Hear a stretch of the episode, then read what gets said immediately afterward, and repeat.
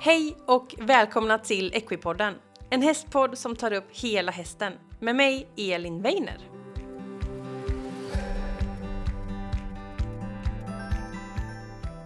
Efter lite julledighet är nu äntligen Equipodden tillbaka med nya starka friska tag inför våren 2023. Men innan vi drar igång veckans avsnitt. Veckans avsnitt presenteras i samarbete med Smart Planering och Hästdagbok.se. Smart Planering är ett företag som gör helt otroliga planeringsböcker för dig och din häst. Jag själv tycker dokumentation är jätteviktigt och jag tycker också det är väldigt roligt. Och det är bra att få en uppföljning och med dessa böcker är helt fantastiska. Sara som driver företaget har verkligen tänkt på allt och varje uppslag hjälper dig att hitta och skriva ner flera detaljer om ditt ridpass. Det är en perfekt start nu i det nya året med en ny bok där du kan göra bra dokumentation och följa upp din utveckling. Idag tänkte jag ta upp träningsboken som en bok i då sortimentet hos Smart Planering och hästdagbok.se. I träningsboken kan du på ett detaljerat sätt följa upp ditt träningspass tillsammans med din häst. Denna bok börja med såna där bra att ha-sidor. Du vet kontaktuppgifter, tabeller för typ när hovslagaren ska komma, sidor för att sätta upp mål, helårsplanering med mera. Och efter det så är det ett uppslag för varje träning du har. Det är ett uppslag per dag och varje sida guidas du igenom en fullständig analys av ditt träningspass. Du får fylla i eh, vad du gjorde på passet, hur det gick. Du får fylla i din dagsform, hästens dagsform, lyfta fram det som gick extra bra och vad ni behöver arbeta vidare med. Helt otroligt, superbra helt enkelt. Idag tänkte jag också lyfta upp en annan produkt från Smart Planering och hästdagbok.se och det är Smart stalltavla. Och Smart stalltavla, det är typ som en väggkalender och den ersätter den, du vet, den klassiska whiteboarden som är i stallet där du får sudda varje vecka. På den här smarta stalltavlan då, då får du en jättebra överblick över hästens hela veckoplanering. Smart stalltavla anpassar sig mycket bra till också dig som har fler hästar och vill skapa en, eh, liksom ha en övergripande koll på vad varje häst gör varje dag. Stalltavlan är uppbyggd så att du har en kolumn per dag i veckan då och en rad per häst. Så för varje dag så kryssar du i en liten ruta vad hästen gjort för aktivitet. Till exempel om den hade en vilodag, du red dressyr, hoppade, tömkörning eller vad du nu än gjorde. Du kan fylla i i förhand för att få en bra planering och översikt eller också fyller du i vad du gjorde. Perfekt om ni är fler ryttare eller om du har fler hästar. Och som sagt, man slipper sudda så att du får hela tiden liksom hålla koll och du får uppföljning och du kan vecka till vecka se vad just din häst har gjort. Så vill du se mer av dessa grymma produkter då kan jag tipsa dig om att kika in på hästdagbok.se och Smart planering. Och det finns både som hemsida och på sociala medier. Där kan du se mer i detalj hur böckerna är uppbyggda och hur alla sidorna ser ut.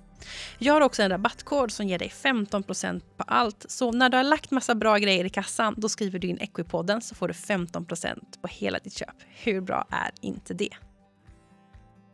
Men nu till veckans avsnitt och veckans gäst och det är så härligt att vara igång igen efter lite julledighet. Man behöver vara ledig ibland men så himla kul att vara tillbaka och bara köra järnet här med vårterminen med kunskap.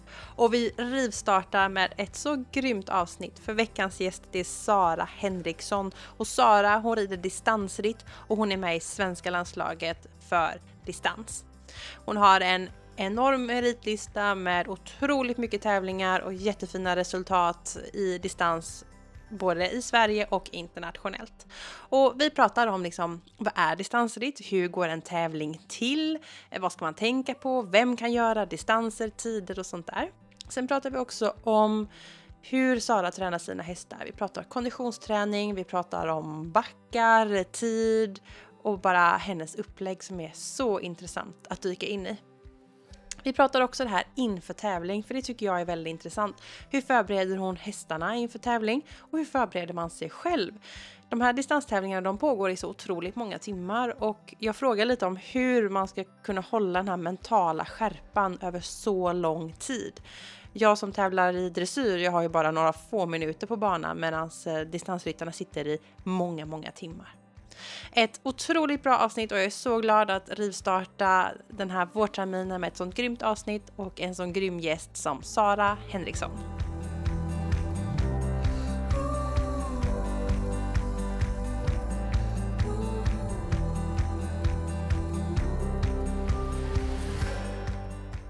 Så då vill jag hälsa välkommen Sara Henriksson till podden. Hej Sara! Hej! Hur mår du idag? Bara bra. Härligt! Lite ja. regnigt slash eh, slaskigt, eller hur är vädret hos dig? Eh, väldigt regnigt, väldigt lerigt och det är bara, ja. Det hade varit skönt på lite snö och is just nu. Mm. Eller hur? För du finns ju lite i södra Sverige. Vart bor du någonstans? Eh, jag bor i Agunnaryd, två mil söder om Ljungby. Mm. Precis, där är det eh, inte så snöiga vintrar. Nej, det brukar vara leriga vintrar. Japp. Yep. Och det här ska bli jättekul för du Sara, du är ju distansryttare och eh, du är ju med i landslaget i distansridning och har tävlat jättemycket både i Sverige och utomlands och du har också fått jättefina utmärkelser som årets eh, distansryttare och sådär på Ryttargalan faktiskt flera gånger. Så det här ska bli ett jätteroligt avsnitt att få dyka in i distansritt. Um, men om man bara börjar lite sådär, vem, vem är du Sara och hur hamnar du där du är idag? Eh, jag är 29 år och eh, tillsammans med min sambo så har vi två barn. Theo som snart blir sju, Alma som är tre och ett halvt. Mm. Ehm, ja, vi har fem hästar just nu tillsammans med min moster så uh, det är hon som fick in mig i sporten mm. som 13-åring. Mm-hmm. Och uh, ja, 12-åring red jag min första prova på distansritt som wow. det kallas. Uh, och det tyckte jag var jättekul. Mm. Och sen då som 13-åring så red jag min första tävling. Mm. Tillsammans med fjording varmblodskorsningen Ronja. Oj, vilken spännande blandning! Ja, så tillsammans med min moster då så hon har alltid varit stöttande med hästar och ja, alltid funnits där bredvid och är fortfarande med. Mm. Vi byts lite hästar då och då i perioder. ja. och hon äger lite hästar, alltid med på tävlingar. Speciellt de stora tävlingarna. De små mm. kanske hon inte är med på alla. Kanske mm. hon rider själv och så. Mm. Så ja, det var så jag kom in och ända från början så äh, tyckte jag att det var jättekul att rida distansritt och jag ville bara rida längre och fortare. och eh, nu rider jag ju det längsta då inom distansritt så att nu är det bara att jag vill rida fortare. Längre känner jag att det kanske jag inte behöver, men fortare. Eh, mm. Fortfarande en drivkraft inom mig. Mm. Så ehm, ja.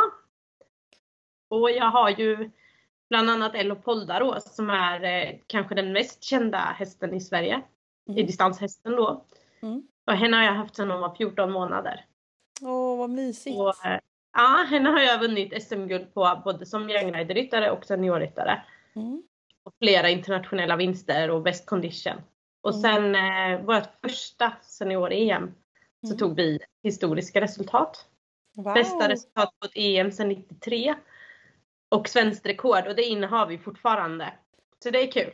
Häftigt. Eh, nu börjar jag bli sugen på att klå det här svenska rekordet med nästa häst som då mm. är Vobodo. Just det. Som är just nu min topphäst. Mm. Så han vann SM-guld nu i somras. Mm. Grattis! Var, tack! Eh, vann, eh, eller var sen i Frankrike i höstas då i oktober. Och då plockade jag ner han till 120 kilometer istället för 160 då. Mm. Bara för att jag ville testa honom på en större tävling mm. och hastighet. Mm som en eh, målsättning då inför EM i september nu 2023. Mm. Mm, mm. Så han hoppas jag blir min nästa stjärna. Mm, det låter ju som att ni är på god väg. Ja, och sen har jag ju lite unghästar då med som är på gång uppåt. Eh. Så att man försöker alltid fylla på med lite, ja, med lite hästar så att man håller sig på toppen. Ja, det är ju lätt att eh, en häst blir skadad eller så, att man tappar det då. Exakt. Nej men det är ju, man behöver hela tiden ha lite underifrån så att man har något att jobba vidare med. Men det tar ju också ganska mycket tid att ha dels en, en eller två topphästar och sen så ska man liksom föda upp underifrån. Det, det tar ju lite tid. Det tar jättemycket tid och eh, distansritten är ju inte så stor här i Sverige. Mm. Så att eh, jag kan ju inte leva på det mm. här i Sverige. Mm. Så att eh, jag har ju två jobb. Mm. Och eh, sen barnen då och resterande tid lägger jag på träning och tävling. Mm. Så tack vare att man har en väldigt nära familj Min sambo vet exakt vad det här gäller och mm. familjen är med på det. Mm. Min mamma, min svärmor, min sambos mormor, hans mm. systrar. Mm. Alla är med och är barnvakt och hjälper till så mycket de bara kan med barnen, med mm. stallet, handling ganska ofta också, matlagning. eh, så att alla är verkligen med på att eh, ja, men vara med som en stöttning i min mm. satsning. De vet mm. att i perioder så är det mycket. Och sen i perioder så är det lite lugnare och då har jag tid med dem. Mm. Häftigt, viktigt att, att, ha runt sig liksom. Verkligen. Ja. Ja, det, det, är intressant för det tar, ju, det tar ju väldigt mycket tid och um, där vill man ju kanske att även mindre sporter ska få möjlighet att kunna leva på sin sport så som större grenar kan. Eh, så att eh, där hoppas vi väl att eh, i alla fall distansritten för din skull kan få växa och kanske få in mer sponsorer så att man kan få leva lite mer på det kanske. Ja men verkligen och jag arrangerade min första tävling i februari. Nu 2022. Och där var ju min målsättning då med att arrangera en tävling att det ska vara som ett event, det ska vara roligt att komma dit, det ska vara mycket prispengar, mm. det ska vara en häftig upplevelse för alla. Mm. Tävlande, publik, domare, mm. veterinärer, det ska vara kul för alla. Mm. Och det lyckades vi verkligen med. Mm. Eh, hela Gunnaryd gick ut ur husen och kom även folk från byar runt omkring, även från Ljung, alltså inifrån stan kom också ut och mm. tittade. Så det var jättekul och alla som var på tävlingen var jättenöjda. Mm. Eh, så där jobbar jag ju vidare på att göra mm. det till en stor rolig tävling mm. där det mm. händer någonting för alla. Mm. Eh, och just prispengar då för att ja, men man ska kunna få någonting för arbetet. Mm, precis. Men jag tror det är viktigt att lyfta. Det är också lättare för andra att komma in då om man ser så här, ser det ut så här? Jaha, är det så det funkar? Då kanske fler ja. vågar. Ja men precis. Det är också en målsättning jag har att eh, få upp ögonen för sporten för mm. folk utifrån också att se hur fantastiskt det är med distansritt. Mm. Och eh, jag lyssnade på tidigare poddavsnitt av dig mm. och då var det en ryttare som just poängterade det att vi i Sverige har ju sådana förutsättningar. Mm. Vi har allemansrätt, vi får rida ut i princip vart vi vill. Mm. Och det har vi inte i övriga länder i Europa. Så att vi har ju Ja, jag tycker det är faktiskt lite konstigt att sporten är så liten i Sverige och så mm. stor i Europa. Mm. Den är ju jättestor i Frankrike bland annat. Just det, och där är det ju väldigt styrt vart man får rida och inte.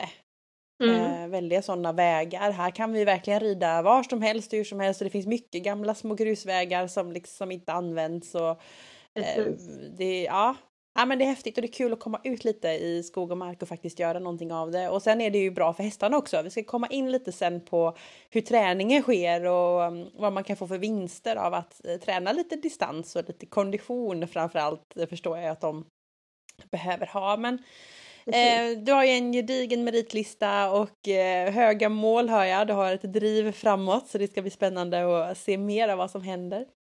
Men jag tänkte innan vi liksom ger oss in lite i din ridning och din satsning så om man liksom aldrig hört talas om distansritt eller om man bara hört något långt bort så här, man rider långt. Eh, ja, det kanske är det man vet. Kan du inte berätta lite vad, är, vad gör man? Hur långt rider man? Hur går en tävling till? Och bara lägga lite grund för vad är distansritt?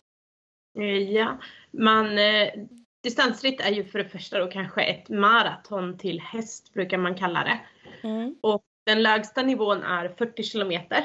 Mm. Det är round finns på 40 eller 50 kilometer. Och den längsta klassen är 160 kilometer då på en dag. Sen finns mm. det två dagars tävlingar och tre dagars tävlingar och så.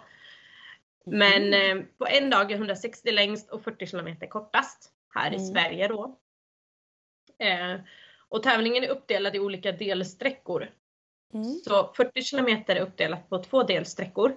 Mm. Medan 160 kilometer är uppdelat på fem eller sex delsträckor. Aha.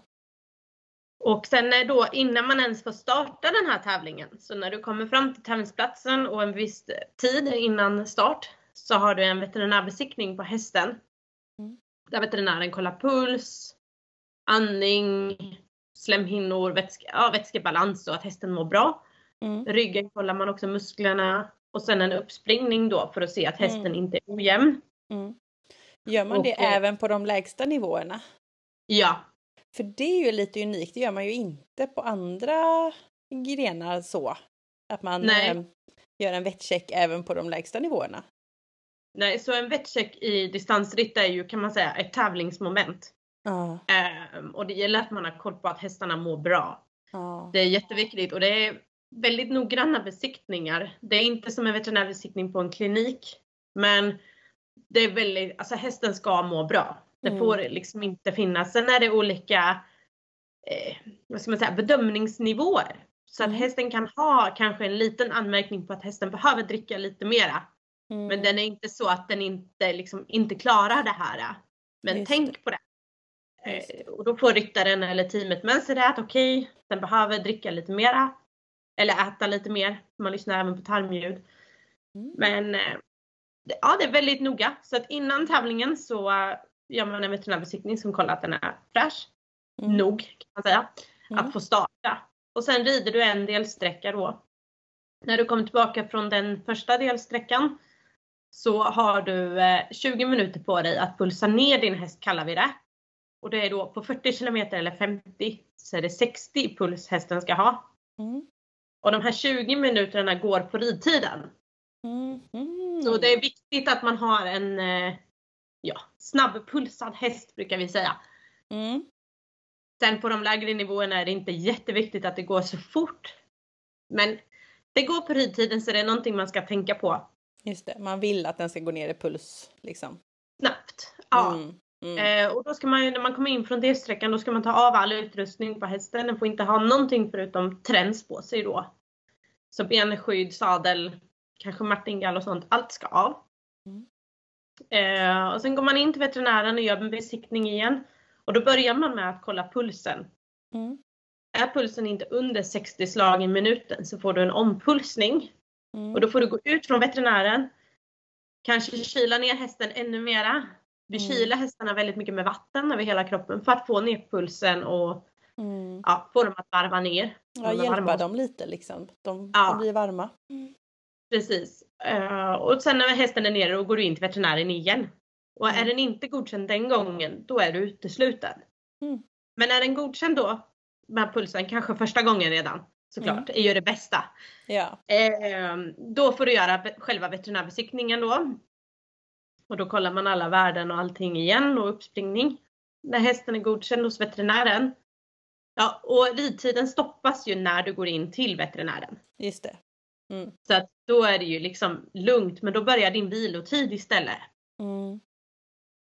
Så att när du är klar hos veterinären så går du och har din obligatoriska paus. Mm. Som kan vara, på fyra mil då är det oftast 30 minuter. Mm. Är det 160 kilometer kanske då är den mellan 40 och 50 minuter varje paus brukar det vara. Mm. Mm. Mm. Så innan din paus, ja, under pausen så brukar man alltid kissa hästarna som vi säger. Mm. Att de får äta, dricka, tvättas av, masseras. Mm. Förberedas för nästa Mm. delsträcka. Bara få vila lite liksom. Ja, eh, och sen så eh, blir det som en inte, jaktstart när Mm. du rider ut på nästa sträcka. Så ut efter vilken tid du har kommit in från delsträckan och varit hos veterinären så rider du ut sen efter din paus. Mm. Så då kan det skilja från de man kanske har ridit med och så. Mm. Beroende på hur snabbt man har pulsat in. Mm. Och sen på fyra mil då, då är det ju bara två delsträckor så då är det ju sista sträckan. Och när du kommer i mål så stoppas ridtiden när du springer över mållinjen. Mm. Men sen har du 20 minuter på dig då att pulsa ner hästen och då är det inte på ridtiden. Mm. Så där kan du ta det lite lugnare. Och sen Mm. gå in till veterinären och presentera den för veterinären igen. Är hästen godkänd hos veterinären då har du klarat tävlingen. Är hästen inte godkänd hos veterinären så är man utesluten. Och då har man inget resultat med sig hem. Tråkigt. Det, det är det värsta som finns att åka Ja. ut. Eh, det är väldigt vanligt med uteslutningar för att det är väldigt hårda besiktningar. ja. Det kan vara små grejer på hästarna som gör att de inte är 100%. Mm. Det kan vara att de kanske bara har vrickat sig på en sten. Mm. Eller har en sten i hoven kan det också vara ibland. Om man Mm. missar det. Ofta så brukar man, om hästen är lite ojämn, då kan man få titta i skorna liksom och se. Mm. Just det, är det om något här? någonting. Mm. Men eh, ja, det är verkligen för hästarnas välfärd. Alltså Mm. de ska må bra. Mm. Häftigt. Så det- ja, det, är det är ju en, eh, mm, det är ju verkligen en prestation och liksom eh, ja, som sagt ett maraton. Jag menar, eh, hade jag sprungit ett maraton hade jag också haltat lite några dagar kan jag säga. Så att eh, de måste ju verkligen vara i topp eh, toppskick och topptränade för att klara av och få klara av det. Det är ju jättebra att verkligen känna att vi inte släpper in eller släpper upp hästar som inte klarar av den här uppgiften. Det känns ju väldigt tryggt. Ja men verkligen. Och sen är det ju väldigt annorlunda då att när den har gått i mål så ska den också klara besiktningen. Fast den då kanske är färdig. Mm. Eh, så är det ändå att i målbesiktningen så ska den vara så fräsch att den skulle kunna fortsätta. Det är så man lite tittar på det. Just det, precis. Så det, det är väldigt hårt och eh, men ja, på de lägre nivåerna, 4-5 mil där, då kan ju de flesta hästarna gå de här tävlingarna. Mm. De som är normalt tränade i alla ridsportgrenar, de kan klara en 4-5 mils tävling. Mm. Sen eh, när man kommer lite högre upp, då börjar det bli mera fokuserat på just distansritt och Mm. koncentrerat på träningen där. Mm. Men 4-5 mil och prova på det, det skulle man kunna välkomna alla att göra. Just det. Häftigt!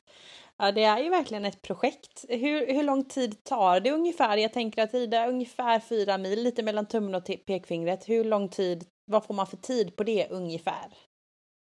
Jag skulle nog rekommendera mellan 10, 10 till 12 kilometer i timmen. Mm. Det är, det är blandat tempo på 4-5 Mm. mil där. Det är skritt, trav, galopp. Mm. Du kan rida där kanske som en vanlig uteritt kan man säga. Mm. Det är inget specifikt så att du måste hålla bara trav och galopp utan du kan rida lite blandat för att hålla 10-12 kilometer i timmen. Mm. Så då är det ungefär mellan fyra och fem timmar då plus Ja, vila. ja precis. Det är en ganska lång dag. Ja, det blir ju det.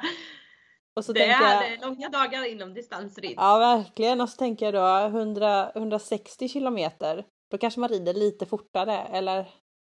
Ja, det gör man. Jag har sagt att jag ska aldrig någonsin rida 160 kilometer på en låg hastighet. där, där går gränsen. Ja. Eh, Sen självklart, det kanske händer någon gång beroende på vilken bana man rider. För det är ju hastigheten och sånt är väldigt specifikt mot vilken bana du rider. Mm, hur banan är. Mm. En, eh, en distansritt är ju markerad. Så tävlingen är ju en markerad bana. Så du följer skyltar Mm. hur du ska rida. Mm. Eh, och utefter banan då så har ju teamet kommer ut och möter upp dig. Mm. Man har all- alltid ett team med sig. På lägre nivå så behöver man inte ha ett team. Man kan klara det själv eller kanske ta hjälp av någon annan. Mm. Men eh, oftast har man ett team med sig som hjälper till. Och de åker ut på banan med eh, vatten till hästen och vatten till ryttaren om den behöver det. Mm. Och erbjuder detta. Och sen kyler vi hästarna mycket under loppen också. Mm. Då eh, kan man ha petflaskor eller sköljflaskor. Mm. Och så ger det teamet då flaskorna till dig som ryttare och sen häller du med flaskorna vatten över Ja. hästen. Mm. Är det väldigt varmt då kyler man hela hästen. Så då häller man flaskor både på halsen och rumpan. Just det. Och på de Mm. största tävlingarna när man rider då kanske man kyler fem flaskor på varje stopp. Oj, ja det är mycket ja. För att verkligen kyla ner dem. Och det är ungefär varje mil man har de här stoppen. Mhm. Okej. Där man erbjuder hästen att dricka och kyla ner dem. Mm. Och sen Mm. teamet då, de åker ju runt då på banan och möter upp då varje mil. Och sen Mm. åker de in till tävlingsplatsen igen när man är på gång dit igen. Och Mm. möter upp där och hjälper till att ta, ut, av, ta av utrustningen. Och eh, kyla ner hästen, pulsa den. Och sen även då i pausen att mm, ge den mat, tvätta och massera. Och, Ja, finnas där. Och att ryttaren Finnas också där, får ja. vila lite och hinna gå och kissa och allt vad man eh, kanske behöver göra ja, själv men också. Mm. Ja. Nej, så teamet är väldigt viktigt och sen att man ja, har pratat igenom vad som ska göras i pausen och Mm. så. Just det. Och eh, ja, det, det, tar, det tar tid förstår jag. Men väldigt spännande och väldigt intressant. Jag tänkte vi skulle gå in lite på hur, hur liksom, nu har vi lagt grunden så här, det här är målet, det är dit vi ska. Vi ska göra den här tävlingen och vi ska kunna rida så här länge och så här långt. Eh, och då, då, är det en resa dit för att träna sin häst och jag förstår ju kanske att de här lägre klasserna kanske de allra flesta med en grundkondition kan klara av. Men eh, tittar man lite på, på hur du tränar dina hästar och den nivån där du är, hur jag förstår ju att konditionsträning är en viktig del, men är det annat också? Hur, jobb, hur tänker man med styrka, lösgjordhet, dressyr och, och hur, ja, hur, hur, jobbar du med dina hästar liksom inför att tävla i vardagen? Är det en häst som ska gå, alltså en av topphästarna ska gå 160 kilometer och i en väldigt hög hastighet. Mm. Mitt mål är ju att mina bästa hästar, de ska kunna gå 160 kilometer på över 20 kilometer i timmen. Mm. Och 20 kilometer i timmen, det är ju galopp. Mm. Det är, ja, och sen får man ju räkna bort då de här äh, platserna man möter upp teamet på. Där man får de här gromstoppen. Så att man måste ha en ridhastighet som ligger över 20 km i timmen för att få sin snitthastighet på 20. Mm. Det är mitt mål med alla mina topphästar för det är det som krävs när man är på mästerskap och ska kunna göra topplaceringar. Då är det över 20 km i timmen. Det är upp mot 22 km i timmen. Mm. Shit, det, det, är ju sjukt, sjukt fort eller på att Det går jättefort, det gör det verkligen. Och ja. Det kräver väldigt mycket av ryttaren och hästen. För att eh, alltså en låg hastighet på 4-5 mil, det kräver inte så mycket. Mm. Det kan vara okej att du blir lite trött som ryttare men ska du rida 160 km så måste det vara fullt fokus hela dagen. Du måste veta exakt hur du ska rida din häst, exakt mm. hur din häst ska gå, mm. exakt vilken hastighet du ska hålla på varje ställe, mm. Eh, exakt hur varje paus ska gå till, hur du ska visa upp din häst hos veterinärerna för att mm. visa det absolut bästa av hästen. Eh, för det, är ju, det blir lite en bedömningssport också brukar jag säga för att det är veterinärerna som avgör mm. om du får fortsätta eller inte. Och då okay. gäller det att du har en välutbildad häst hur den ska vara inne hos mm. veterinären. Just det. Just det. Och hur den ska springa upp och allting. Så det kräver väldigt mycket arbete med sånt också. Att träna uppspringningar. Jag tränar jättemycket uppspringningar med hästarna. Ja. För att också veta själv vilken hastighet hästarna ska springa på inne hos veterinären. Vissa behöver springa lite fortare. Mm. Vissa springer och visar sig finast i en lägre hastighet. Yeah. Eh, sen att man som ryttare också, eller den personen som ska visa upp hästen, lär sig ja, men hur hästen springer. Mm. Så att man också känner själv om det är någonting som inte står rätt till med hästen. Mm. Eh, hur den rör sig. Så att mm. man är medveten själv. Just det. Men ja, eh, att mycket att tänka på. Häst, ja, ja men det är det verkligen. Det är många bitar som måste in och det är även en träning på de här gromstoppen då som vi kallar dem. När teamet möter upp ute på banan. Mm. Att hästen ska dricka vatten ur hinken.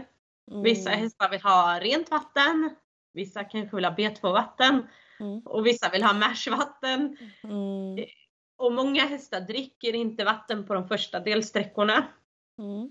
Eh, speciellt inte den första sträckan. Utan det brukar komma igång när de har fått sprungit och blivit lite törstiga.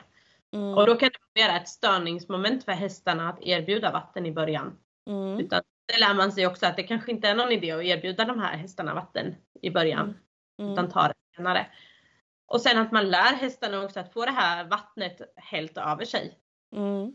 För det kan de ju också tycka är otäckt att det kommer en vattenflaska och hällandes ja, över. Precis. precis.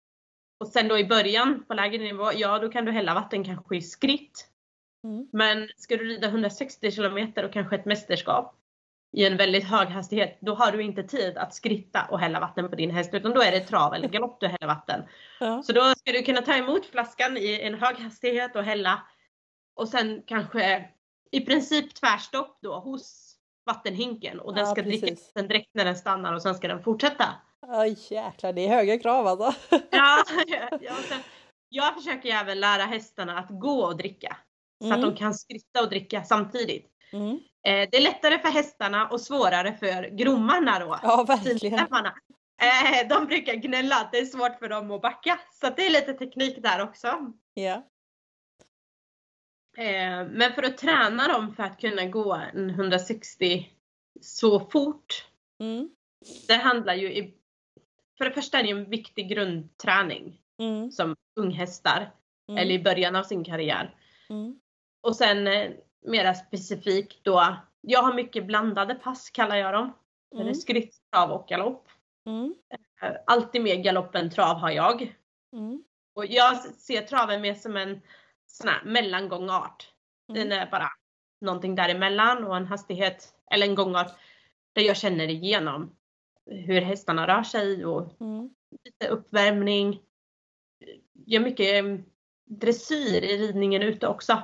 Mm. Mycket markarbete. Mm. Och tränar mycket lydnad och sånt. För jag vill ha väldigt mjuka hästar. Mm. De lyssnar på små, små hjälper. Mm. De ska göra det jag tänker när vi väl är på tävlingen. Vi ska kunna ha den kommunikationen för att inte slösa någon energi. Mm. Mm. Och det, och det är mycket arbete hemma då, för det är ju inget jag kan sitta och träna på på tävlingar. Utan det ska Nej, tränas precis. hemma och sen åker vi tävlingar och då gör vi det. Då gör vi bara vårt jobb. Just det. Så mycket blandade pass. Eh, skrittträning har jag inte jättemycket, men jag, jag har det. Mm. Men eh, det är ett väldigt välkänt träningsmetod inom distansritt, det är skritt. Och jag är den som inte gör det kan jag säga. Jag brukar säga att jag är nog den distansryttaren i Sverige som skrittar minst, tror jag. Mhm. Eh, så det brukar vara lite revolutionerande. Eh, Mm. Men där har jag mycket galoppträning på hästarna. Mm. Och jag har galoppträning en till två gånger i veckan på dem. Mm. Och när jag galopptränar så är det inte intervallträningar. För det är jag lite emot. För det är väl lätt att de blir väldigt heta och vi Mm. riskerar att få skador istället. Och speciellt Mm. i de höga hastigheterna. Mm. Så att jag fokuserar mer på min galoppträning att ligga i kanske en och en halv till två timmar i sträck och rulla i galopp på kanske 20 km i timmen då. Wow. Shit, Ja. det är jättecoolt ju. Det, Och så det är liksom ju. en grundträning för dig att ligga ganska lång tid och liksom bara rulla i galopp. Ja. Ja. Och sen jag fokuserar ju väldigt mycket på hur hästarna rör sig i galoppträningen. Mm. Eh, Jag skulle aldrig sitta och galoppträna hästarna och de inte går bra. Mm. Då skulle jag liksom avbryta passet och så skulle jag göra någonting annat för att få med hästarna. Men jag är väldigt, väldigt lyhörd för hur de är. Mm. Och när vi jobbar, då jobbar vi. Det brukar jag tänka. Är vi inte Mm. ute och jobbar, då kan vi lika gärna vara i hagen. Ja, och då ska jag säga att jag har väldigt stora hagar. Så att det inte ens mina går i rasthagar. Utan de har väldigt stora hagar och rör sig mycket i hagen. Och när jag tränar, då är det träning. Mm. Jag går oftast inte ut och bara musrider. Det kan man Mm. göra någon gång, men inte sådär. Så att, eh, och träning för mig det är ju alltid över en och en halv timme. Det tar Eh, tid och alltså. Två timmar. Ja. Och sen finns det ju längre pass också såklart. Men alltid över en och en halv timme är Mm. min grund. Liksom så. Just Och galopppassen då är ju ren galopp då, men runt två timmar. Mm. Och då är det plus uppvärmning och nedvärmning och då har jag några kilometer till min galopprunda då liksom. Mm. Och den galoppvägen jag har, där kan jag ligga ostört och rulla utan att behöva stanna för bilar eller hus. Eller så, utan jag kan ligga där och rulla och det går lite upp och ner hela tiden. Mm. Så de får mycket den här lutningen, även om det inte är backar så är det lutning. Just det, lite grann ja. Mm. Så det är väl det jag har mest och sen har jag såklart klättring, backträning. Och när jag ska backträna så brukar jag lasta in hästarna och sen åker jag till Ljungby, till skidbacken där och Ah. backtränar.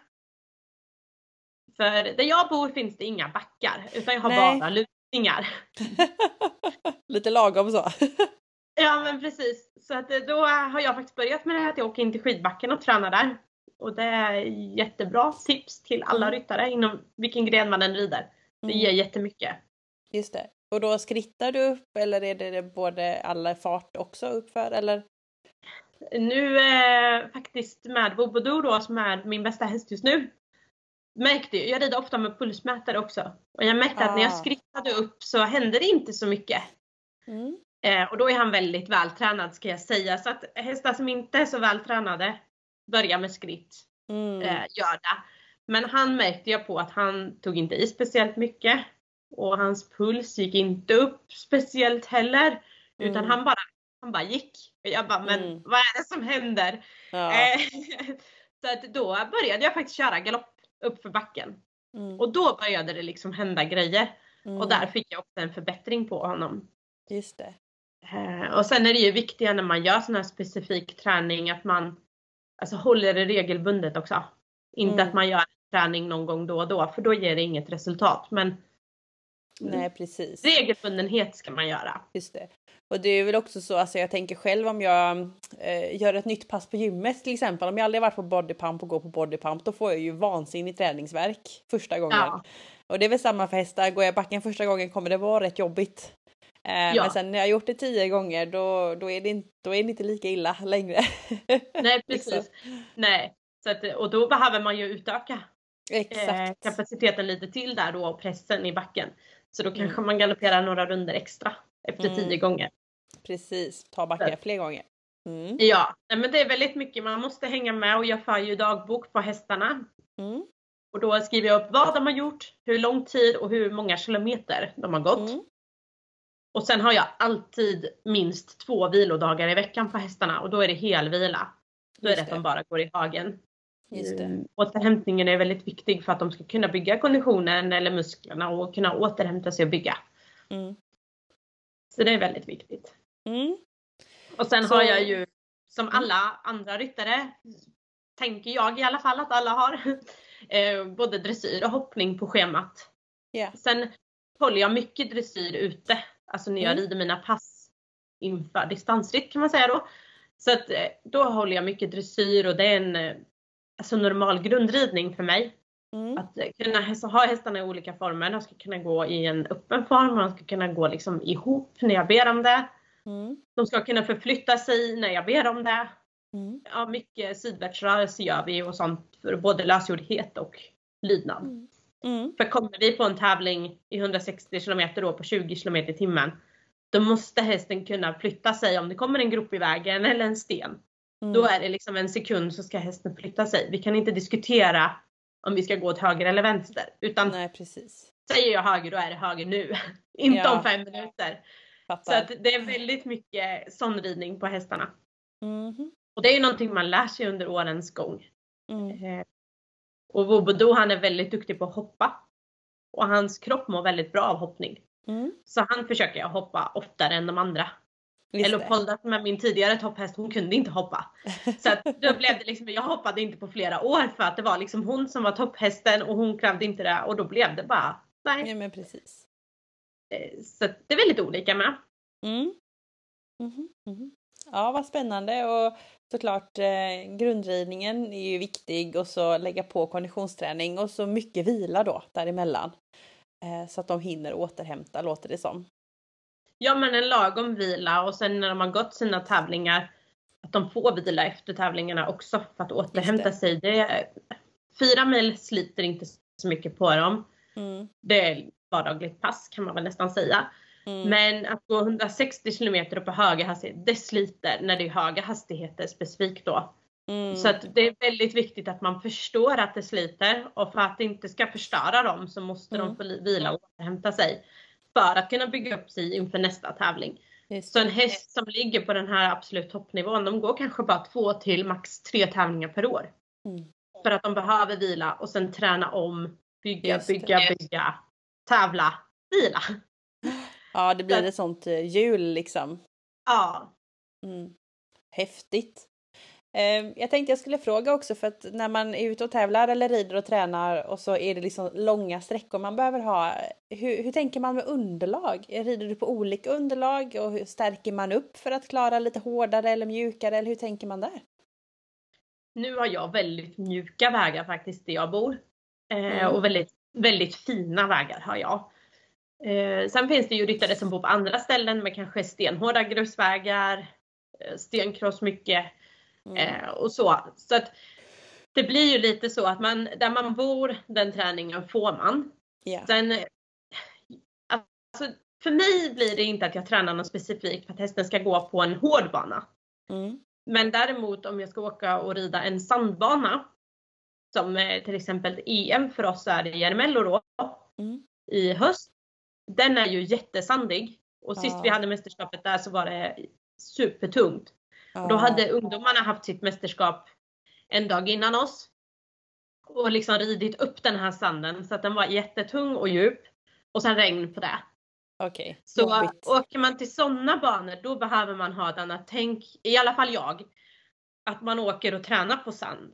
Och mm. det är mm. samma där, att man åker alltså ofta, regelbundet för att hästen ska träna på det, både musklerna och senorna och sånt.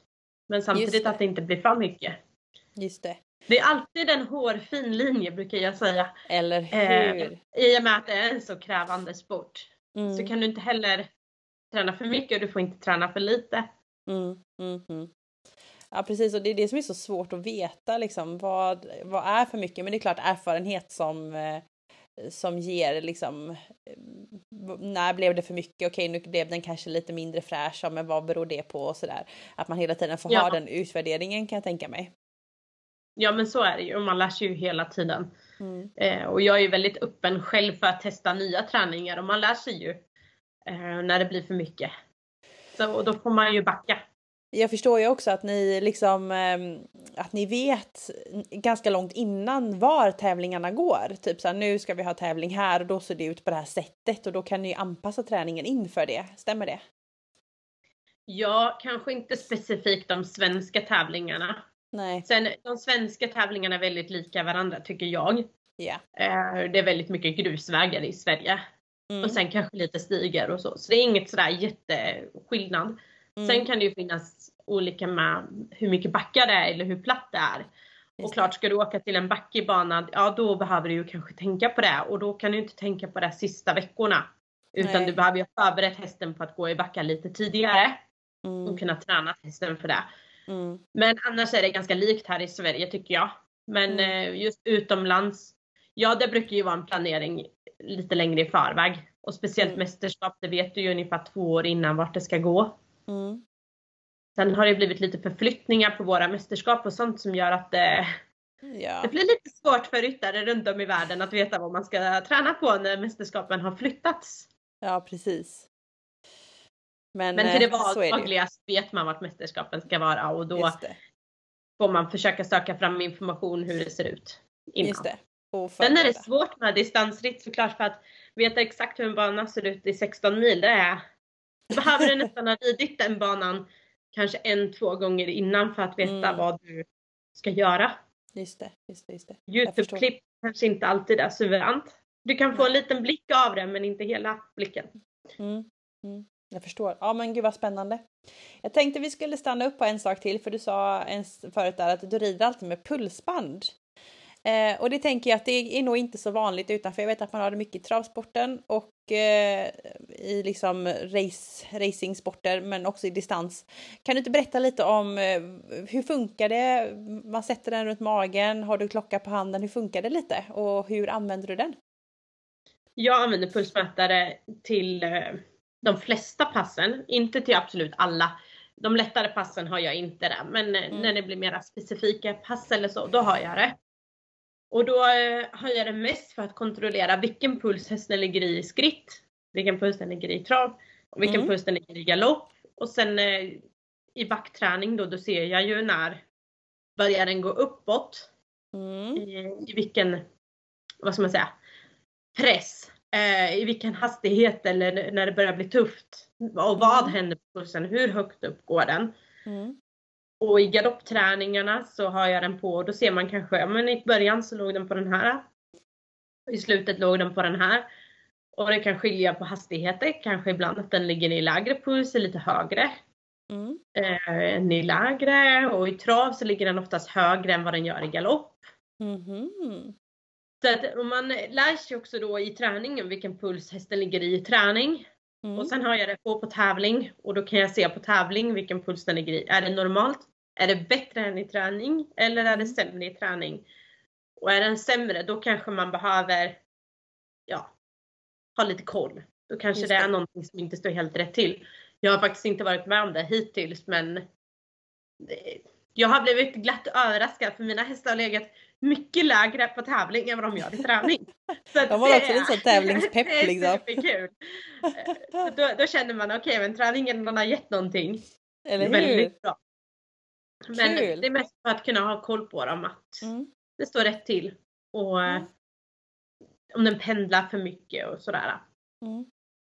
Och det tänker jag kan vara ganska viktigt och ganska användbart i andra grenar också att bara veta så här, vad har min puls eller vad har min häst för puls när jag gör det här och typ så här oj vad hög puls det blev när jag gjorde det här. Nu, nu var det faktiskt väldigt jobbigt. Eller hur? Kan man inte tänka så? Jo men verkligen och det, jag brukar ju sitta och studera detta i efterhand då också för jag tycker det är väldigt kul att titta på det och mm. se i klockan då eller på datorn eller så då. Ja telefonen brukar jag titta i. Jag har ju då en app och så får jag, jag har en ah. klocka då på handen och på klockan ser ju jag då hastighet, hur långt jag har ridit och pulsen hela, hela tiden. Mm. Och, eh, så så jag följer under hela passet och då ser jag ju också vilken hastighet jag håller och vilken puls hästen har då. Mm. Och sen i efterhand så kan jag gå igenom hela passet och titta. Ah, och se liksom sådana grafer. Och då ser jag ju ja men precis. Eh, så ser jag ju alltihopa. Och det är mm. väldigt roligt. Kul. Och så sitter själva mätaren runt magen på hästen? Ja, det är bara som en jord kan man säga. Just det är det, som ett band runt magen. Just det, som, som vi också har runt, runt bröstet. Ja, men vi har. det är likadant. Ja. Just det. Alltså så häftigt och då tänker jag att då kan man verkligen optimera sin träning så här att oj, idag var det lite tyngre. Ja, men då kanske det kanske är lite träningsverk eller någonting eller idag går det jättebra, jag kan pressa lite mera och man får verkligen mm. lära känna sin häst. Ja, verkligen och eh, alltså ha pulsmätare på en tävling också kan ju vara väldigt intressant tycker jag för att hästen kan ju ha en puls på tävlingen mm. eller vara på ett visst sätt på tävlingen. Mm. Kanske att hästen är superladdad när det verkligen är en stor tävling och det är tävling och den blir väldigt, väldigt taggad. Mm. Och då kan man också se på pulsen. Ja men alltså springer hästen över sin kapacitet just nu för att den är helt galen. Just eller pigg. Eller gör den inte det? Ligger den bra i puls fast den är liksom väldigt, väldigt pigg mm. och het? Mm. Och då ser man, det finns det också som en hjälp för just på tävling kan det vara svårt att kanske läsa av sin häst just i det temperamentet. Just det. Och veta Eh, och sen kanske också då, jag hörde en annan tjej berätta då om en häst hon hade som var superlat häst. Och betedde sig som att den liksom bara nej tack, jag vill inte gå en meter till. Mm. Aldrig. Och hon fick liksom bara, jo men kom igen nu, kom igen nu. Hon sa att hade inte hon haft pulsmätare där så hade hon kunnat tänkt sig att den här hästen är helt slut. Alltså han orkar inte gå en meter till. Han Eller är hur? helt slut. Men hon hade pulsmätaren och såg att det här är bara din lathet. Ja, du kan precis. Gå. Så det finns ju sådana bitar man också kan ta hjälp av det. Eller hur? För att har du en lat häst så är det kanske lättare för dig som ryttare att steppa tillbaka också. Och sen blir ni liksom lata tillsammans och trötta mm. och det blir jobbigt. Och... Mm, mm. Är du pigg och glad som ryttare blir oftast hästen pigg och glad. Precis, och det ligger lite det här med evolutionen att inte använda energin i onödan både för häst och ryttare. Eh, ja om hjärnan hade bestämma hade man väl ätit eh, det mest onyttiga som finns för att eh, lagra energi och legat i soffan typ. ja. Så, ja, det finns många olika faktorer man kan använda en pulsmätare mm. till. Jätte, jätteintressant. Ja, så vi har liksom grundträning, pulsträning och så liksom den här tempoträningen och sen så liksom, vi har varit inne lite på det, det här med liksom på själva träningen, men jag tänkte vi skulle stanna upp där en sekund. Om man tänker liksom veckan innan, eh, en, nu tänker jag ett stort mästerskap nu då. Eh, mm. Hur förbereder du liksom hästen? Vilar den mer innan eller håller du igång träningen? Eller hur tänker du? Jag försöker alltid i min grundtanke tänka att eh, träningen och eh, inför en tävling, det är som att gå upp för en trapp. Yes. Och då börjar man längst ner, börjar träna hästen och sen går man upp för trappen i träningen hela vägen. Och när du är högst upp på trappen, då är det själva tävlingen. Mm. Och det är väldigt vanligt att man gör så att man går upp för trappen en viss bit och sen så går man ner för trappen mm. och sen högst upp på trappen ska hästen gå tävling. Mm. Och det är jag liksom såhär big no. Utan jag går upp för trappen hela tiden. Mm. Och mot det högsta trappsteget. Och när det högsta trappsteget är så är det tävling och den tuffaste mm. prestationen hästen någonsin ska göra. Mm. Och då kan man inte, eller anser inte jag att man kan gå upp för trappen en bit och sen gå ner och sen plötsligt ska hästen springa upp för trappen. För att då är inte hästen med fysiskt eller mentalt. Mm. Utan jag vill liksom gå upp för trappen, visa hästen att snart ska vi göra något riktigt, riktigt tufft. Du ska vara med. Mm. Det här ska mm. jag göra. Verkligen mm. liksom säga till hästen vad som händer och visa i träningen. Mm. I allting runt om. I skötsel, allting. Visa hästen att snart, snart du, snart ska vi göra något kul. Yeah, yeah. något tufft. Så att vi måste vara med liksom. Mm. Mm. Och det, det är nog inte så många som kanske tänker så men det är, så tänker jag för att liksom hålla med allting på ja, ja. rätt nivå. Jag tänker mycket att börjar du gå ner för trappen så är ju inte hästen med varken fysiskt eller mentalt. Nej precis. Och då, om man går ner för trappen då menar ju jag att man går på vila. Att man Exakt. tränar hårt och sen så börjar man låta hästen gå lägre pass, vila mm. lite mera, mm. Mm. kanske inte några tuffaste pass. Eh, och då tror inte jag att hästarna är 100% med när själva utmaningen kommer och den ska göra det tuffaste. Yeah. Så att, men sen självklart när man ska åka på stora tävlingar utomlands så är det kanske två dagars resa. Mm. Och då blir det ju två dagar där och resorna tar ju på hästarna. Ja, eller hur. man kan ju inte träna det tuffaste innan man åker. Men att man ändå håller igång hästarna eh, och tänker, ja, reser på ett bra sätt med hästen. Mm. Och sen när man kommer fram, jag brukar vilja komma fram väldigt tidigt med hästarna. Så att de verkligen får återhämta sig för att kunna ladda om inför tävlingen. Mm. Och alltid när vi kommer fram så låter jag hästarna ha minst en hel vilodag. Mm. Där de liksom får stå mycket i boxen, de får stå och vila, de får gå lite små promenader. Mm. Inte pressas för mycket med massa promenader och omgivningen och allting utan att de får liksom vara, de får äta, sova, dricka, vara i fred. Mm. Inte stå och över dem. Mm. Mm. Mm. Sen måste man verkligen ha koll på dem. Alltså äter de, dricker de, mår bra eller inte. Men att man låter dem också vara själva. Just det. Och det sen mentala då, vilan liksom. Ja men precis, för att de måste, det är en tuff resa för dem också. Vi människor blir också trötta av att resa och behöver också Gud, vila. Ja. Usch. Att, ja, men det är väldigt viktigt. Och sen när de har fått sin vila, man märker att nej, men nu, nu är de med liksom. Mm, mm, mm. Då, då brukar jag rida och första passet kanske inte är så tufft när jag väl mm. är på tävlingen. Men man rider dem och känner igenom att allt känns bra. Mm. Och sen så rider jag liksom igång dem. För då ska jag visa dem att nu det är race på lördag liksom. Just det. Nu är vi på äh. toppen av trappan här. Ja men precis, då måste jag få igång dem in i trappen igen. Mm. Och visa att nu. Uh, och jag är ju en väldigt tävlingsinriktad person och höga målsättningar. Och det gör ju att hästarna också blir det. Mm. Så det gäller att verkligen hålla det på en balans. Verkligen. Uh, ja. Verkligen. Och det är liksom en lång resa såklart och det är ju eh, mycket för hästarna att tänka på, mycket som ska packas och fixas och sådär. Gör du något speciellt veckan innan för att förbereda dig både fysiskt och mentalt som är bara för din skull liksom? Nej, det, jag tror inte att jag har något specifikt så. Uh, nej, det brukar nej, det vara så mycket ändå. Ja precis, ja. det räcker det liksom komma in i packandet och fixandet, tränandet och planerandet ja, och så. och jag tycker det är så himla tråkigt att packa. Eh, jag har vissa ryttare som bara, nej men packa är det roligaste som ja, finns. Så känner man ja. att det är på gång och då vet jag bara, nej gud. Eh, jag hade en tjej som var med mig för första gången faktiskt till SM och hon kom hem till mig och så bara, men Sara du har inte ens tvättat hinkarna. Jag bara ja. nej.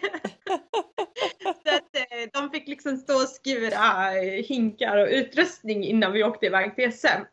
Ja. Så hon, hon, fick liksom se bilden där direkt, så här funkar Sara.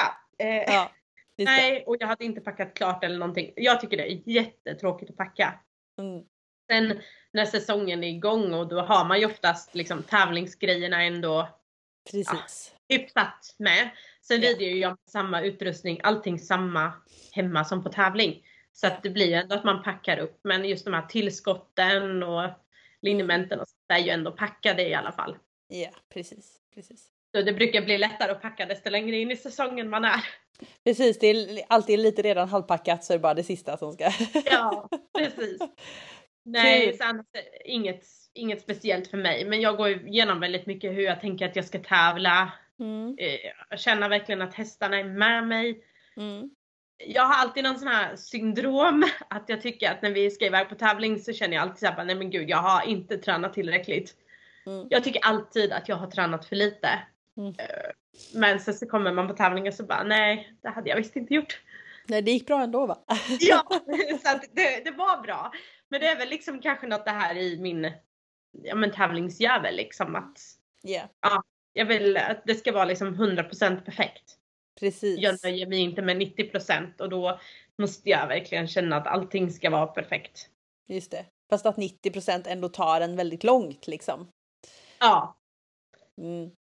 Spännande. Och, och, jag tänker så här, eh, man har verkligen fått en inblick i hur det här funkar, det är mycket jobb och sådär. Och så tänker jag, okej, okay, vi, ska, vi ska hålla på i typ åtta timmar på hästryggen. Eh, ganska tufft. Alltså så här, hur håller du dig mentalt fräsch ett, ett helt sånt pass eller en hel runda, tävlingsrunda? Eh, det tror jag är mycket med mentaliteten överlag, hur man är som person. Ja. Och eh, nu, alltså desto mera du tävlar och tränar, desto bättre styrka och kondition får du som ryttare i din ridning. Mm. Och sen beror det också på hur mycket du rider när du rider, brukar jag säga. Yeah. För att jag kan ju säga att jag gör ett pass och så säger du att du gör ett pass. Men mm. de är väldigt skilda i vad vi faktiskt har gjort på våra pass. Precis. Fast vi båda har skrittat i två timmar. Yeah. Så kan det ändå vara skillnad på, men hur har du skrittat i två timmar och hur har jag skrittat i två timmar? Yeah. Jag är väldigt sån att när jag rider, då rider vi. Yeah. Det ska inte vara lätt, utan det ska vara tufft. Mm. Det ska mm. vara tufft för man som ryttare. Alltså det ska mm. kännas och du ska känna att du rider bra. Mm. Eh, sätta emot musklerna lite ibland så att du utvecklas. Mm. Och det gör ju också att det blir lättare på tävlingar när du är van att pressa dig själv i träningen. Mm. Och sen alltså redan när jag var liten så var ju min moster väldigt hård med mig att vare sig du har ont eller trött så rider du. Mm. Du slutar aldrig att rida. Mm. Och det tror jag det är bra att alla kanske har någon sån person med sig som liksom vågar steppa fram och säga åt dig om du börjar sitta lite snett. Att nu får mm. du rätta på dig, skärp till dig liksom. Mm. Mm. mm. Ja. Och det, det tror jag handlar lite om vad du är som person också. Om du kan skärpa till dig. Eller om du är helt orkar bry dig. Ja. Och orkar du inte bry dig och ska rida 160 km då är det kanske ingenting för dig. Exakt. Ja. Utan ska du rida 160 km på 20 km i timmen, du får inte sitta snett en endaste gång. Mm. Du får inte vara trött. Mm. Du ska rida toppridning i 16 mil. Mm. Du ska rida ditt perfektaste i 16 mil. Du får liksom inte sluta rida. Yeah. För slutar du rida då börjar du kanske sitta snett. Eh, belasta hästen kanske lite mera fram eller lite mera bak. Mm. Och då kan ju hästen få liksom hårdare belastning och den kan bli känslig och så reagerar den. Och kanske blir ojämn fast den inte är halt utan det kanske bara berodde på dig som ryttare. Precis. Så att det är väldigt, väldigt noga med hur du rider som ryttare. Mm, mm, mm, mm. och det, ja, det tror jag nog att det kan vara bra i alla grenar att tänka på, inte bara specifikt distansritt. Men sen såklart, som du säger, det är åtta timmar. Mm. 7.39 är ju mitt rekord och det går fort då. Ja. Eh, delsträckorna kan ju gå en bra bit över 20 km i timmen utan då kan det vara liksom riktigt snabb galopp. Yeah. Och det går snabbt i kurvorna och det är... Ja. ja. Som nu när jag var i Frankrike här i Fontainebleau. Det är en jätterolig bana. Teknisk bana. Mm. Och det, hästen då, Vobodo som jag red, var ju helt fantastisk. Och vi tränar mycket på det här med svängarna, galoppombyten, lyssna mm. på min ridning med kroppen. Jag vill mm. inte sitta och slita i munnen på hästarna utan styr jag med sitsen åt något håll då ska vi gå åt något håll. Just det. Mm. Och eh, när jag red ut på sista delsträckan då var, hade jag riktigt tävlingsadrenalin och han också. ja. Och vi stack iväg i 30-35 eh, km i timmen i snitt då. Wow. Och jag sa att den, då liksom klappade jag om honom och bara tänkte att shit det här är mäktigt. Ja. För det var en riktigt teknisk bana också. Det var liksom inte en vanlig svensk grusväg utan det var liksom eh, svängiga sandvägar.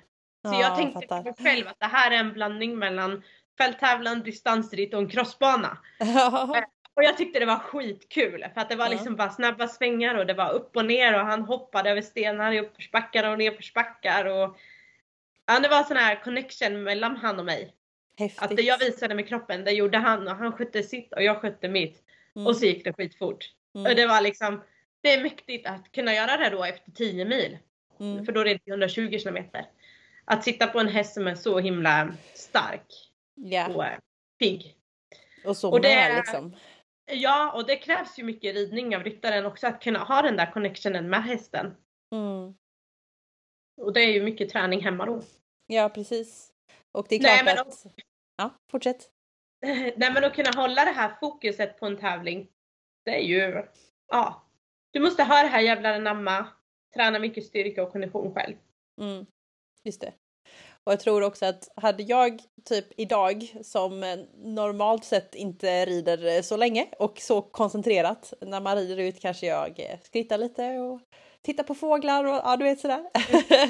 så kör man ibland. Men om jag hade satt mig och gjort det, det hade jag ju mentalt kanske inte klarat för att jag tänker att man behöver bygga upp också. Man kanske, det är ju Ja. bra att börja med det här 40 kilometrarna och liksom så här, det, det kan man liksom så här anstränga sig och sen så nästa gång kanske man gör lite längre och lite längre så att man eh, bygger upp den mentala styrkan också och som du klar, gör ju det i träningen att du har pass på över två timmar ibland och liksom får träna att nu ska jag vara fokuserad så länge för det är ju också en van, vanesak såklart att träna upp i sin träning, det mentala.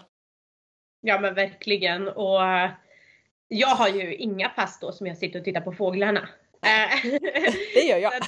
det, det, ja men det är ju väldigt olika. Ja. Du ser ju uteritt kanske som en bit där du får lite återhämtning, hästen får lite återhämtning. Exakt. Att titta på den vackra naturen. Mm. Jag kan ju rida tävlingar runt om i Sverige och så säger alla bara det var så fint, det var så fint. Och jag bara vad, vad, vad, vad, Va- vad va- menar vad? du? Eh, för att jag ser inte omgivningen på det sättet runt mig. Mm, mm, Utan mm. jag är så fokuserad på tävlingen, på vägen. Hur ser underlaget ut? Vart ska jag hålla hösten? Ja, Vilken hastighet ska jag hålla? ja. Så att jag hinner, eller jag hinner väl, men jag gör inte det för jag är så fokuserad. Så jag ser Precis. inte omgivningen på det sättet. Mm, Och det kan vara banor jag har ridit flera år. Flera mm, gånger. Och så säger ryttarna, ja men du vet där. Och jag mm. bara, nej ingen aning. eh, så att, och när jag ser någonting med banan då kan jag tycka att alltså, själva banan är fin, inte Mm. omgivningen. Just det. Och det tror jag också, jag är nog lite annorlunda i det sättet. Men det är nog för att jag är så fokuserad på just uppgiften. Och sen Just är jag väldigt, väldigt fokuserad på hur hästen går och hur jag Mm. rider. Mm, jätteviktigt. Och eh, jag tror att när man, när det går, såklart, du, du säger ju det också Sara, att när det går så fort så måste jag vara så noga med att hästen kan inte trampa ner i några hål, den kan inte snubbla över en sten för att då blir den ju då, alltså då kan man få lite ont och då kanske det syns sen. Så då måste man verkligen vara så här.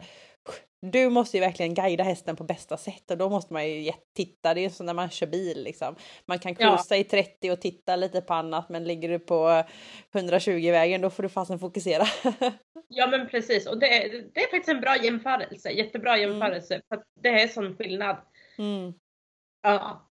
mm. Ja, vad häftigt. ja.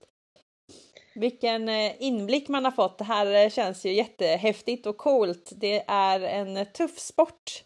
Ehm, men jag tror också när man lyssnar lite på dig Sara så hör man att här kanske man kan få ganska mycket vinning även om man gör någon annan gren i ridsporten. Vad tycker du om det? Finns det liksom vinster om jag till exempel är dressyrryttare eller hoppryttare eller bara eh, hobbyryttare tycker om att vara ute? Finns det vinster av att liksom ta med lite det här med konditionsträning, pulsträning och kanske testa en distanstävling eller vad tycker du? Ja men det hade varit jätteroligt faktiskt och jag vet att eh, Örebro län hade ju en eh, utmaning Mm, där de hade att man skulle testa på olika grenar. mm, Och eh, nu vet jag inte hur mycket resultat de fick i det. Men det var ju väldigt roligt. Då skulle man ju kanske då testa distansritt, hoppning, dressyr. Sen vet jag inte vad det var fler för grenar, men det var olika grenar. mm, Eh, och det tror jag är någonting man kan jobba vidare på i övriga län här i Sverige. Men jag tror nog att alltså, alla normalt tränade hästar klarar av 4-5 mil på mm, 10 kilometer i timmen. Mm. Det är liksom en uteritt i blandat tempo. ja, Sen kan det ju vara andra utmaningar. Det behöver inte vara liksom bara grusvägar i skogen utan en distansritt kan ju gå i skogen, det kan gå genom städer, det kan vara genom byar, eh, stigar. Det kan vara väldigt varierat på var det är någonstans. Så att man kan få ut mycket av det, både miljöträning och konditionsträning. Och jag tror att här i Sverige så skulle vi nog kunna ha jättemycket ryttare som är intresserade av att prova på distansritt och se vad det är. Och jag vet att det är många som har hört av sig till mig som är sugna på att testa. mm, Och jag är en väldigt driven, alltså jag är driven som ryttare men jag vill också att sporten i Sverige ska växa Och mm. nu har jag börjat arrangera tävlingar själv då och jag tycker det är jättekul. Mm. Och jag vill få in fler i sporten för att jag vill visa hur himla kul är. Även om du inte vill satsa på den här absoluta toppnivån som jag gör. Just så det. kanske du vill eh, rida distansritt. Mm. Och ta den utmaningen kanske på lägre nivå eller 8 mm. mil. Det Precis. finns ju 4, 5, 8, 10, 12 och 160. Precis. Så det finns olika nivåer och du måste börja då med clear Måste yeah. man göra enligt TR och sen får man klättra sig uppåt. Men man ska göra ett visst antal tävlingar på varje nivå. Just det, och klassa sig uppåt så. Ja. Mm. Och eh, man kan hålla ett blandat tempo på de flesta nivåer, eller på alla nivåer kan du hålla ett blandat tempo. Ja, precis. Så att man måste inte rida fort bara för att man rider längre. Nej, det beror på om man, man vill vara med i toppstriden eller inte. ja, man brukar säga inom distansritt att genomföra är att vinna. Och sen har vi då även i Sverige ett system så att vi räknar kilometer. Mm. Eh, så att varje godkänd tävling du har så får du dina kilometrar. Och det finns ah. ryttare som eh, tävlar för att samla kilometrar. Just det. Eh, man samlar även kilometrar på hästar. Och så mm. finns det, man får priser då för varje tusen kilometer man har ridit. Och hästen Just också. Just det. Sen finns det olika priser då för årets sto, årets vallack, årets mm. hingst. Och sen är ett pris som heter Kastors också. Mm. Det är många, den häst som har vunnit, eller gått flest kilometer under året över 8 mil. Coolt! Mm, så det är mycket sånt där också, det behöver inte bara vara hastigheterna. Precis, precis. Vad, vad kul, ja, helt fantastiskt Sara, det har varit en jätteroligt samtal. Vi har pratat på eh, länge nu. Men jag tänker om man skulle runda av och så känner man så här att åh vad kul, jag kanske vill testa på det här, jag vill göra en clear round. Vad är ditt tips för att liksom börja ta sig in i distans? Ska man eh, kontakta en tränare eller ska man kolla om det finns någon tävling eller hur, hur börjar man liksom? Eh, det där med tävling är faktiskt en viktig poäng för att eh, inom eh, då andra grenar så är det mycket tävlingar i varje län. Ja. Och det har jag hört ryttare som har velat testa på distansritt och så har de gått in i tävlingsdatabasen och så har de sökt på distansritt och sen i sitt län. Och ja. så finns det inte en endaste distanstävling. Precis. Eh, och det är ju det att i Sverige så har vi inte så många tävlingar i varje län utan kanske bara en tävling i länet per år. Mm. Och i alla län har vi inte tävlingar utan det är en relativt liten sport i Sverige. Mm. Och då blir det så att hela våran säsong är tävlingar över hela Sverige. Mm. Så att vill man testa på en distansritt, sök på hela Sverige Just för att det. hitta en tävling du vill prova på. Yeah. Och man får jättegärna ta kontakt med mig. Jag mm. Eh, finns ju på Instagram, yes. Facebook eh, och även då Sasa Endurance på Facebook. Mm. Man får jättegärna ta kontakt med mig om man vill testa på eller ta kontakt med en tränare eller med distanskommittén. De är också väldigt hjälpsamma och hjälper gärna till och berättar mer om sporten eller så. Mm.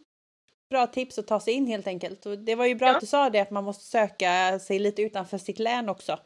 Eh, mm. Just för att man eh, ja, det kanske inte alltid finns. Nej, liksom. och det är en väldigt hjälpsam sport. Så ja. att är man intresserad, det finns hjälp att få. Mm. Vi tar jättegärna emot nya utövare. Precis. Man ska känna sig välkommen.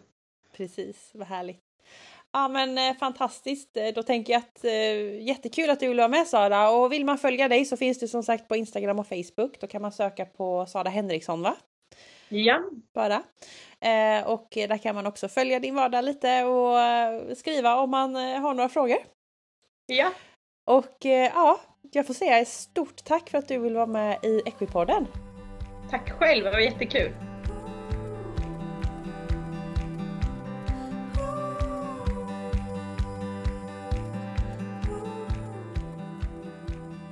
Sådär ja, årets första poddavsnitt färdigt och vilket jäkla avsnitt det blev. Så intressant att höra Sara resonera kring eh, träning, eh, puls och allting. Ja, jätteintressant att få en inblick i distansritten och höra Saras enorma driv. Glöm inte följa Sara på sociala medier och när du ändå är där, följ också Equipoden på sociala medier. Finns ju på Facebook och Instagram. Och är det så att du inte har sociala medier och vill komma i kontakt med mig, då kan man ju också mejla och det är alltså equipoden@gmail.com om du har tips eller tankar. Och nu inför den här säsongen, har du någon som du gärna vill höra i podden, skriv till mig det är ju ni som var med och bestämmer för hur podden ska vara. Så tveka inte att höra av dig om du har någon gäst eller någon fråga eller ett ämne du vill att jag tar upp. Ja, och med det så får jag önska dig en fantastisk vecka så hörs vi eh, nästa vecka. Och då, då är det lite sits eh, som är på temat när en stor favorit är tillbaka i podden och hon tar med sig en eh, vän också. Eh, jag avslöjar inte mer om det utan det är sits som gäller så kika nästa vecka så får ni ha det så bra så länge. Hej då!